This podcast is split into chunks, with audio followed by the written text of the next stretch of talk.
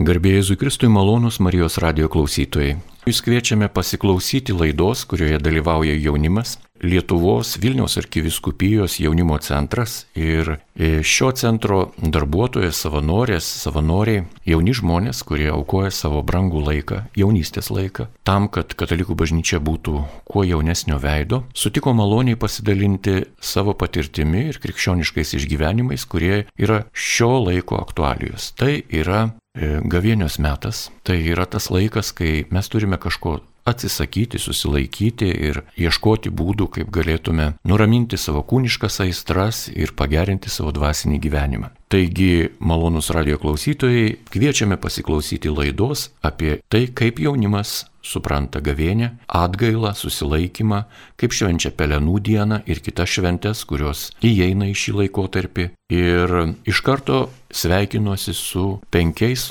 puikiais jaunais žmonėmis. Tai Kamilė, Urte, Kristina ir Donatu. Garbė Jėzui Kristui. Kaip jūs sutinkate metą? Jam ruošėte specialiai arba nesiruošėt, laukėt, kol kažkas kažką palieps, pavyzdžiui, netriukšmauti, nerūkyti, nevartoti alkoholio, negroti. Kaip tą laiką jūs sutinkate? Pagal komandą ar iš savęs?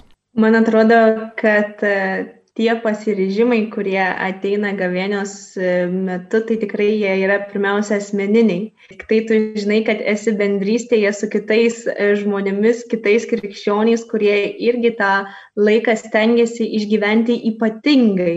Tai iš tiesų aš kiekvienais metais e, ieškausi vis kitokio pasiryžimo, bet nebūtinai kažkokio standartinio kaip pavyzdžiui nevalgyti mėsos tam tikromis dienomis. Šitą taip, kaip kiekvienas krikščionis, bent jau aš asmeniškai stengiuosi e, laikytis, bet e, žiūrėti, kas mano kasdienybėje iš tiesų atima labai daug laiko arba kas man iš tiesų būtų pasnikas, nes e, asmeniškai labai daug mėsos ir nevalgau. Tai galvoju, jeigu to atsisakysi, tai koks čia tavo pasniekas ir bebus, ar ne?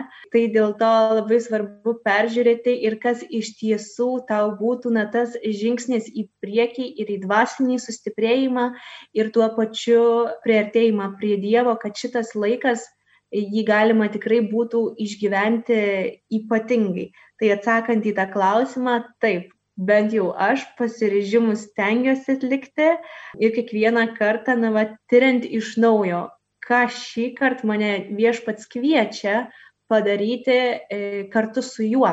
Nes man atrodo, kad pasnikas nėra vien tik tai mūsų pastangos, bet e, jeigu tai yra palaiminta, tai tuomet tas, tas labai lengvai įvyksta, bent jau net ir sunkiausias pasiryžimas įvyksta labai lengvai. Labai ačiū, Kristina, iš tikrųjų išsamei jūs žiūrite taip labai rimtai į šį liturginį metą. Mano karto žmonės, mes gyvenome okupuotoje Lietuvoje ir tuo metu, na, tikėjimo gyvenimas buvo toks labai apribotas, tikrai labai apribotas, bet mes pasniką suprasdavom tiesiog, kad iš vis negalima valgyti. Ten jau mėsos tai taip, bet dažniausiai tą reikalą truputį reguliuodavo močiutės ir seneliai ir jie jau taip pasistengdavo, kad mes ir turėdome tik duoną valgyti. Ar ir dabar taip daro jūsų seneliai ir močiutės? Na, bent jau mano močiutė ir senelis taip nedaro, nors abu tikintis yra, tačiau mano senelis kartais negavėnės metu mėgsta pasninkauti, tai yra pasiryšta kažkiek dienų nevalgyti tam tikrų dalykų arba labai mažai valgyti.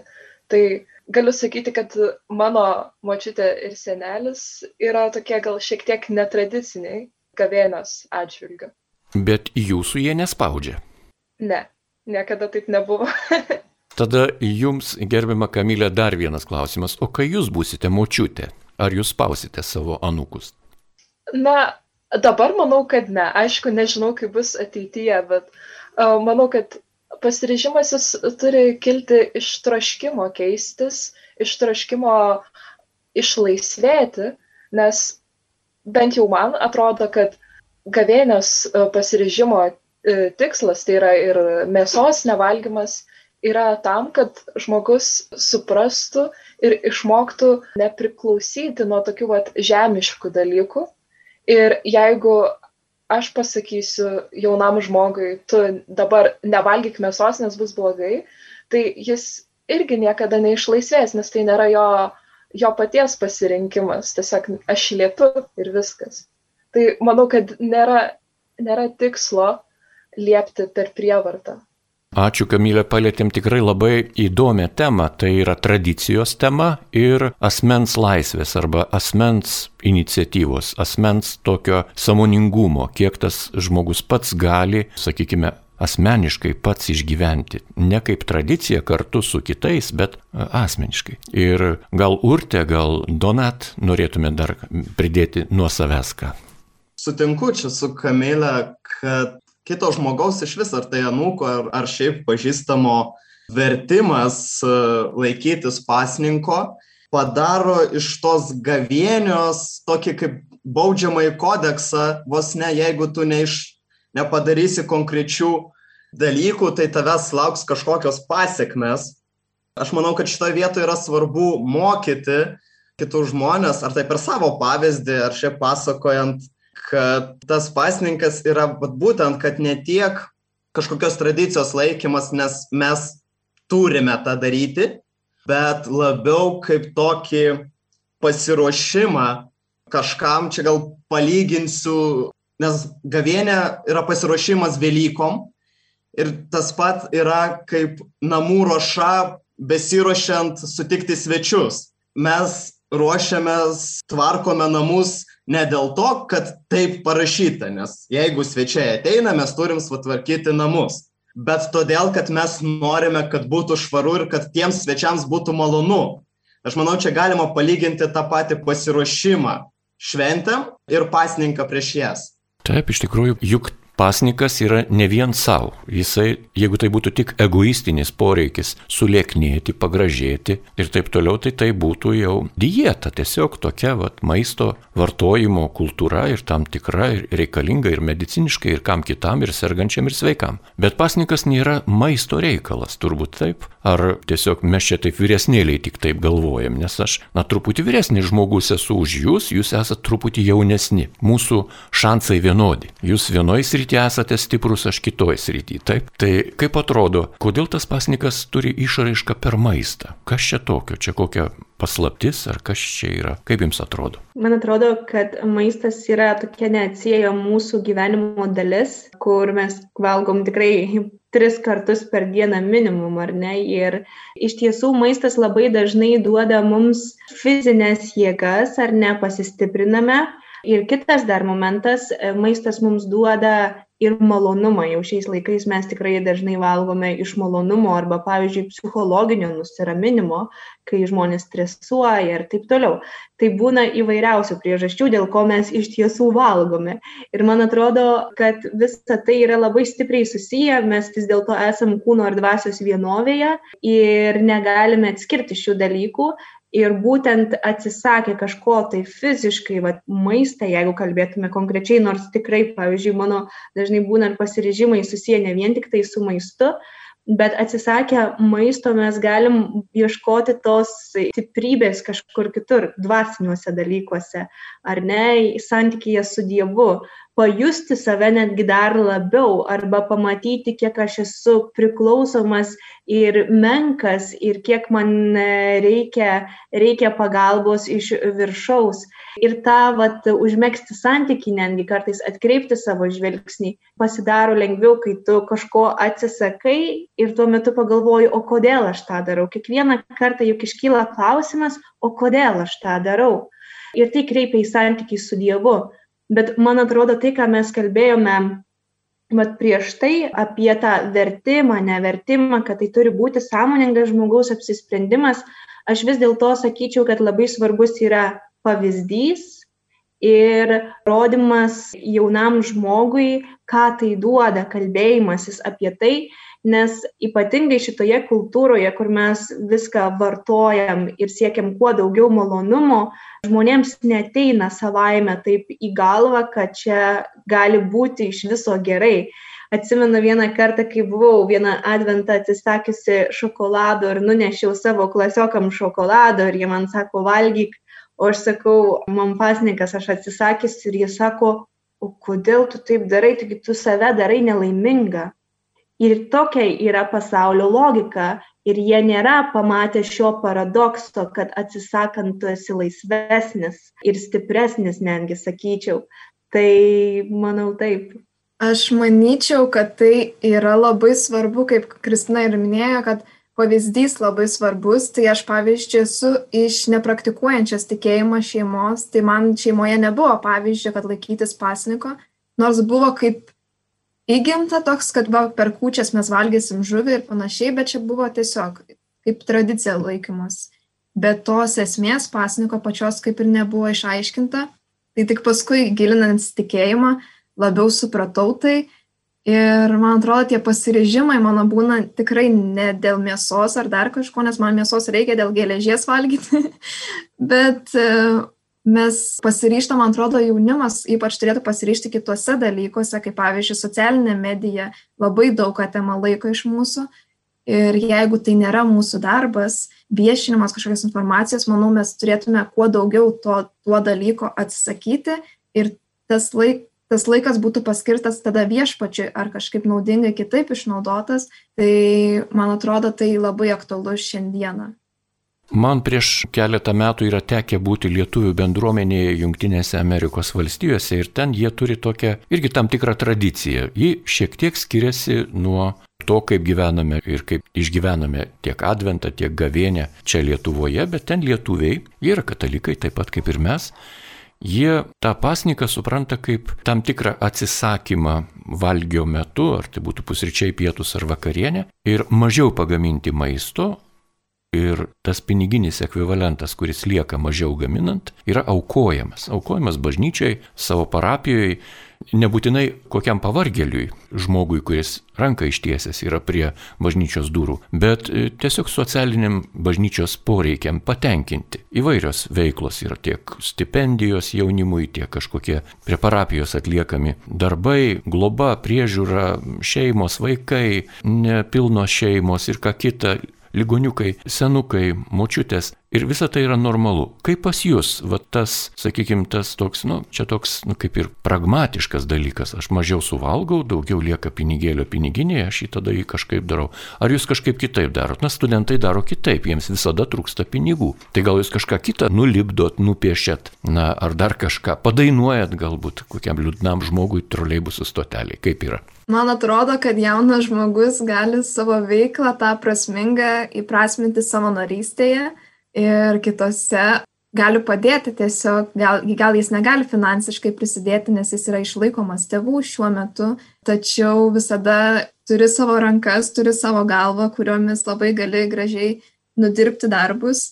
Ir aš, pavyzdžiui, bažnyčiai, kai kadangi aukoju tam tikrą sumą, kurią aš galiu, tačiau mano auka būna, kad aš e, dalyvauju visuose turbūt bažnyčiose veikluose, fotografuoju mišes, e, skaitau skaitinius, tai man atrodo, per tą darbą aš prisidedu prie tos, tai tiesiog mano auka tampa mano darbu tam tikrų savanorystę bažnyčia. Tai man atrodo, kiekvienas asmeniškai galime taip aukotis Dievui.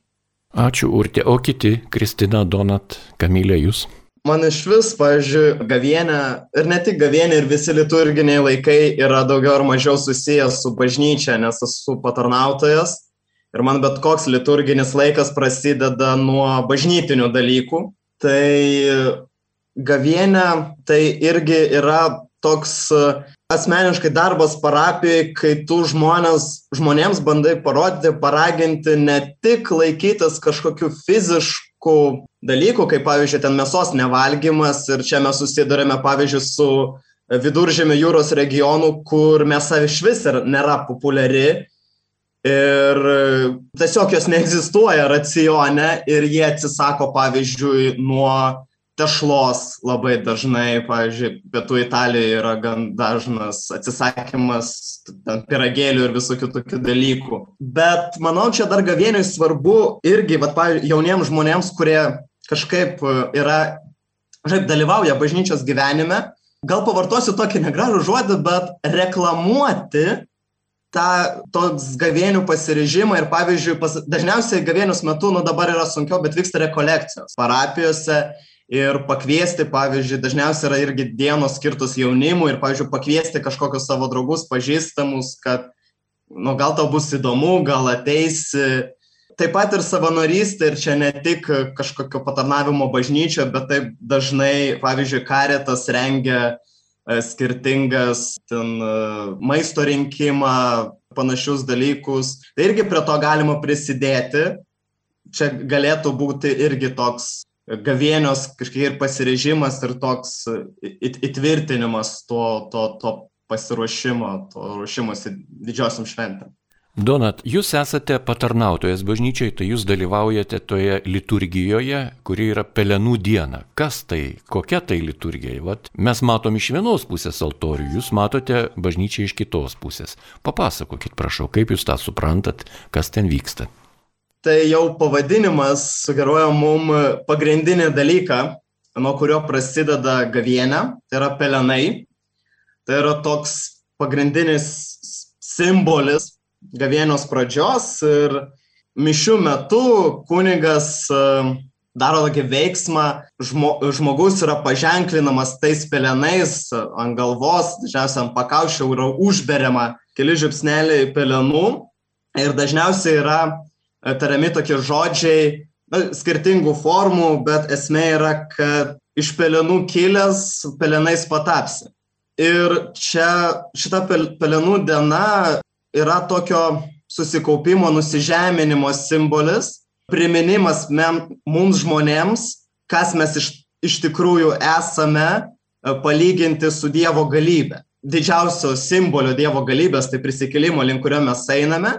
Ir tam, kad mes kažkurioje vietoje nesusilygintume su Dievu, negalvotume, kad mesgi irgi, jeigu mes esame sukurti į jį panašus, kad mes netaptume dievais, Tai gavienė būtent prasideda to nužeminimo kažkokio irgi parodymų, tokių fizinių parodymų, kas mes iš tikrųjų esame. Ir tai toks svarbiausias simbolis pelinų dienos, bet irgi rūbai liturginiai pasikeičia į violetinius, iš vienos pusės į imperatoriškąją purpūrą, į didybės simbolį, galybės simbolį, bet tuo pačiu ir į ramybės, atgailos ir to pačio pasninko simbolį.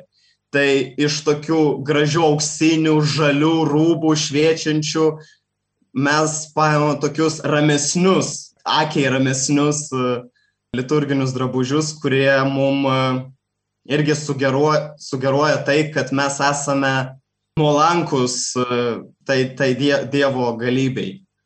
Donat, o iš kur bažnyčioje pelenai šiais laikais? Juk dažniausiai bažnyčios šiuo metu šildomos yra saulės baterijomis arba geoterminiais šildymais arba prijungta prie miesto šilumos tinklų. Iš kur gaunat pelenų?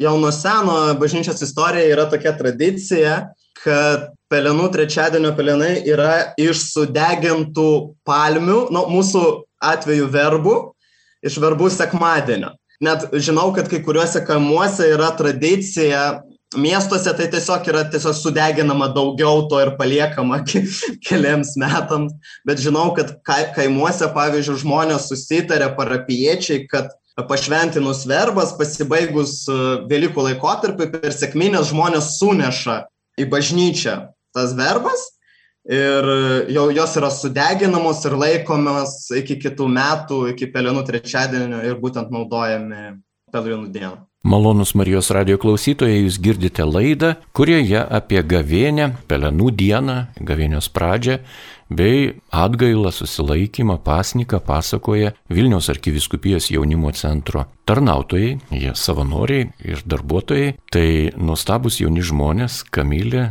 Urtė, Donat ir Kristina. Jos kalbina Liutauras Serapinas. Ir tęsiant laidą, norisi dar ir tokį dalyką jūsų paklausti. O ką jūs pasakytumėte tokiam, sakykime, įmonės arba organizacijos arba kokios kontoros vadovui? Dažnai organizacijose žmonės labai susidraugauja, tampa bičiuliais draugais ir jeigu tai yra krikščioniška organizacija, gavėnios metu ateina vadovas arba vadovė į darbą ir sako, žinot, aš sugalvojau, mūsų pasnikas bus dabar visų, negersime kavos. O kitas žmogus ir galvoja, nu koks čia pasnikas, aš ir taip kavos tos negeriu, nes mane labai daug spogų ant veido ir ko kito man negalima gerti. O tai koks čia dabar pasnikas ir kodėl už mane nutarė, nusprendė, gal pas jūs irgi taip pat jaunimo centre. Ateina jaunimo centro koordinatorė, vadovė ir pasako, pasnikausim taip ir taip. O jeigu ne taip yra, tai kaip yra? Kaip jau ir minėjau pradžioje, tai iš tiesų, man atrodo, kad tas pasiryžimas turi būti tavo asmeninis pasiryžimas, nes gražu, jeigu bendruomenė tikrai vienbalsiai sutarė, kad jie nori kartu būtent to laikytis ir tai yra sveikintina ir kartais tai yra labai gerai, nes tu žinai, kad tu nesi vienas, tu gali palaikyti vienas kitą ir manau, kad tai yra sveikintina, bet iš kitos pusės tai tikrai yra labai individualu, nes pavyzdžiui, kiekvieną kartą galvojant, koksgi tas pasniekas mano turi būti, tikrai neši bent jau aš asmeniškai maldoje. Ir mane malda pati nustebina, kokie impulsai ateina. Pavyzdžiui, praeitą gavienę aš atsisakiau bet kokių karštų gėrimų ir gėriau vien tik tai vandenį visą gavienę. Ir tai buvo toks, net pradėjau porą dienų prieš gavienę, nes atėjo labai aiškus suvokimas, ko aš turiu atsisakyti. Ir man, vat, būtent kaip sakiau, jeigu tu tikrai atrandi, į ką tave kviečia, per ką tave kviečia apsimarinti, tai tuomet tas laikas tikrai patampa ypatingas. Tu tikrai išgyveni tą pasniką kitaip.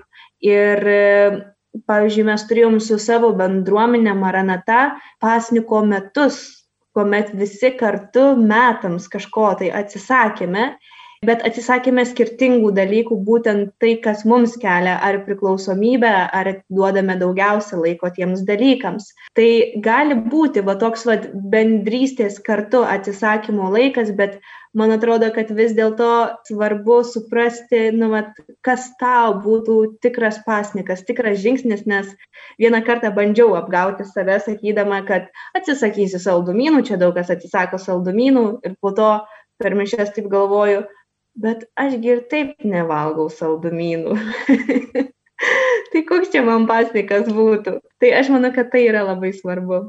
Tęsime laidą. Taigi, daug ką jau jūs papasakojate, pasidalinote, na, bet yra tokie dar dalykai labai labai, kaip mes sakom, solidus dalykai bažnyčioje, jie labai rimti ir apgaupti tam tikrą paslaptimi. Ir tai turbūt yra sakramentai. Pasniko metu, gavėnios metu, visus sakramentus mes galime priimti, kaip jums atrodo? Aš manau, kad e, ne tik galime, bet ir turime naudotis tą galimybę. Aišku, pirmiausia, kai kalbam apie gavienę, tai pagrindinis sakramentas, kuris mums ateina į galvą, tai aišku yra atgailos sakramentas, išpažintis. Čia toks e, banalus, stereotipinis dalykas, apie kurį mes pirmą kartą pagalvojame ir tai yra, aš manau, gerai. Tik e, šitoje vietoje mes turime nepamiršti, kad iš pažinties reikia eiti ne tada, kai nustato tai bažnyčia. Nu, tai dabar yra gavienė, dabar yra adventas, nu, tai prieš didžiasias šventes aš nueisiu ne iš pažinties. Pagal, pagal visą esmę sakramento, tai eiti iš pažinties reikia tada, kai turi nuodėmį. Ir gali būti, pavyzdžiui, pas kažką, kad, na, gavėnius metu jis pasidarė tokį pasirežimą ir nedaro jokių sunkių nuodėmių ir viskas gerai. Ir, na, tada jis net nebūtinai turi, jeigu bažnyčia yra rekolekcijas, nu, eiti tos išpažinties. Jam, jam tikrai turėtų to, nu, tai rūpėti. Tiesiog, na, bažnyčia, žinant, kad, nu, artėja didžiosios šventas, tai, na, motivuoja, tiesiog pasirenka tokį laiką, kada galime mes prieiti, nu, išpažinties. Antras svarbus dalykas, aišku, yra komunija, na, kuri yra susijusi su, su tiesiogiai irgi labai svarbu šituo metu priimti komunijos. Dabar pandemijos laikotarpiu daugelėje bažnyčių kunigai būdi ir galima ateiti nemišių metu ir tiesiog paprašyti suteikti Eucharistijos sakramentą, nes tai yra irgi e, pasiruošimas savo vidaus, savo sielos pasiruošimas. Ir mes taip vaikštom aplink tą žodį pasiruošimas gavienios ir Tai gavienė yra toks sinonimas žodžio pasiruošimas. Kai mes apjungiam tada savo kažkokius fizinius pasiryžimus, atsisakymus, sujungiam su išpažintimi, su komunija, e, su dalyvavimu kažkokiuose pamaldose, daug dievė mes galėsime tai daryti artimiausiu laiku. Mes sukūrėme tokį, galima pasakyti, net idealų žmogų, tą idealų sutverimą su pilna ta Dievo idėja apie mus. Ir kūnų, ir dvasia sustiprėjame ir įžengėme į Velykas išsigydę ir fiziškai dažnai, ir, ir dvasiškai. Man atrodo, kad mes dar pamirštame kitus sakramentus, ypač būdingus jauniems žmonėms, kaip pavyzdžiui, santokos sakramentas. Tiesą pasakius, asmeniškai nesirinkčiau tuoktis per gavėnę, nes nemanau, kad tai būtų tinkamas žingsnis. Ir kadangi mano šeimoje yra ir stačiatikių, mes tokie pusė per pusę, tai tikrai žinau, kad jie patys labai griežtai žiūri. Tai tiesą pasakius, nežinau, ar mes esame turėję katalikų bažnyčiai tokių atvejų, kur tuokėsi mėnesį per gavėnę, bet tikrai tas laikas yra skirtas kitiems dalykams, ar ne? Tai Galėčiau atsakyti, senovėje Lietuvoje, kai Lietuvos daug labai žmonių gyveno kaimuose, tai tas žiemos metas yra vestuvių metas. Tiesiog patogu, nėra lauko darbų, galima, kaip sakant, skirti tam daugiau laiko, galiausiai netgi yra tam tikra tradicija maisto, maždaug po kalėdų visada yra pjaunamos keulės, ar ten avis, ar tai dar kažkas, yra mėsų, galima padaryti daug kotletų, galim iškelti didelės gražias vestuvės. Nebanalu tai yra, tai yra tiesiog praktiniai dalykai. Ir tas praktiškumas anksčiau žmonėm daug ką nulemdavo. Ir jeigu gavėnios metu veršiuojasi karvės, tai pieno ir nėra. Tai natūralu. Tiesiog yra tada pasnikas. Jeigu nėra pieno, nėra grėtinės. Jeigu nėra grėtinės, nėra dar kažko, jūs suprantat, ar ne? Tada ir gaunasi, kad kai aš mažas būdavau nuvežamas į kaimą, tai gavėnios metu močiutė šalia kažkokių ypatingai skanių košių padėdavo dubenį su pasaldintu cukrumi vandeniu. Ir mes tą vandenį tiesiog semdavom šaukštais. Dabar maisto kultūra labai pasikeitusi yra. Tikrai apie tai net negalima kalbėti, bet iš kalbos taip išėjo. Yra ir kitų dalykų su gavienė susijusių tam tikrų, tai yra iš tikrųjų tas konfliktas konfliktas tarp netikinčių žmonių ir tikinčių žmonių. Tikinti žmonės nori tokio rimties, susikaupimo meto, nori, kad nebūtų kažkokių ypatingų švenčių. Čia visada yra konfliktas su vasario 16, kuri dažniausiai įeina į gavienę, arba su šventu Kazimieru, mūsų Vilniaus krašte tai Kaziuko turgumi, to šurmuliu, kuris visada yra gavienios metu. Ir taip toliau tokių konfliktų daug. Kaimynai, kurie yra kita tikėjai arba iš vis neturi tikėjimo, jie užia toliau, rūko laiptiniai, geria su harmonika groja kieme, o tu nori tyliai pasimelst. Kaip ištvert? Na, jūsų pasiūlymai arba jūsų patirtis.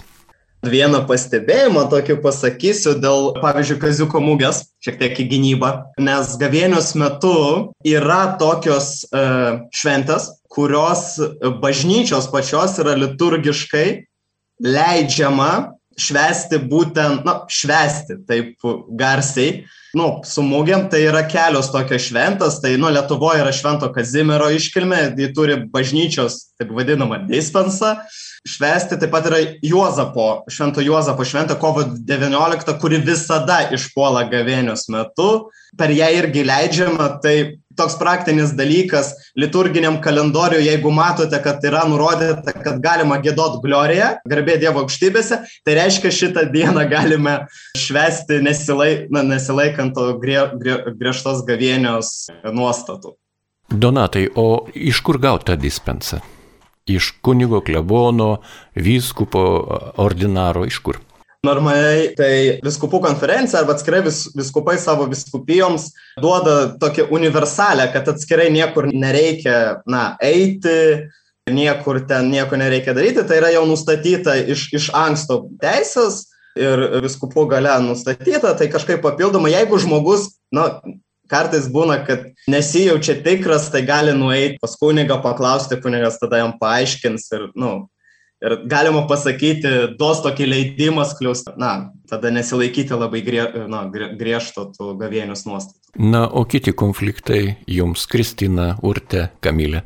Kalbant apie tos žmonės, kurie neturėdami santykio su Dievu arba yra kitos religijos ir nesilaiko pasninko tuo metu, tai mane visada įkvepia šventoji Teresėlė, kuri nemažai kalbėjo apie vieną seserį, kuri turėjo talentą jai viskuo nepatikti, viskuo nervindavo ir e, kažką pasakydavo.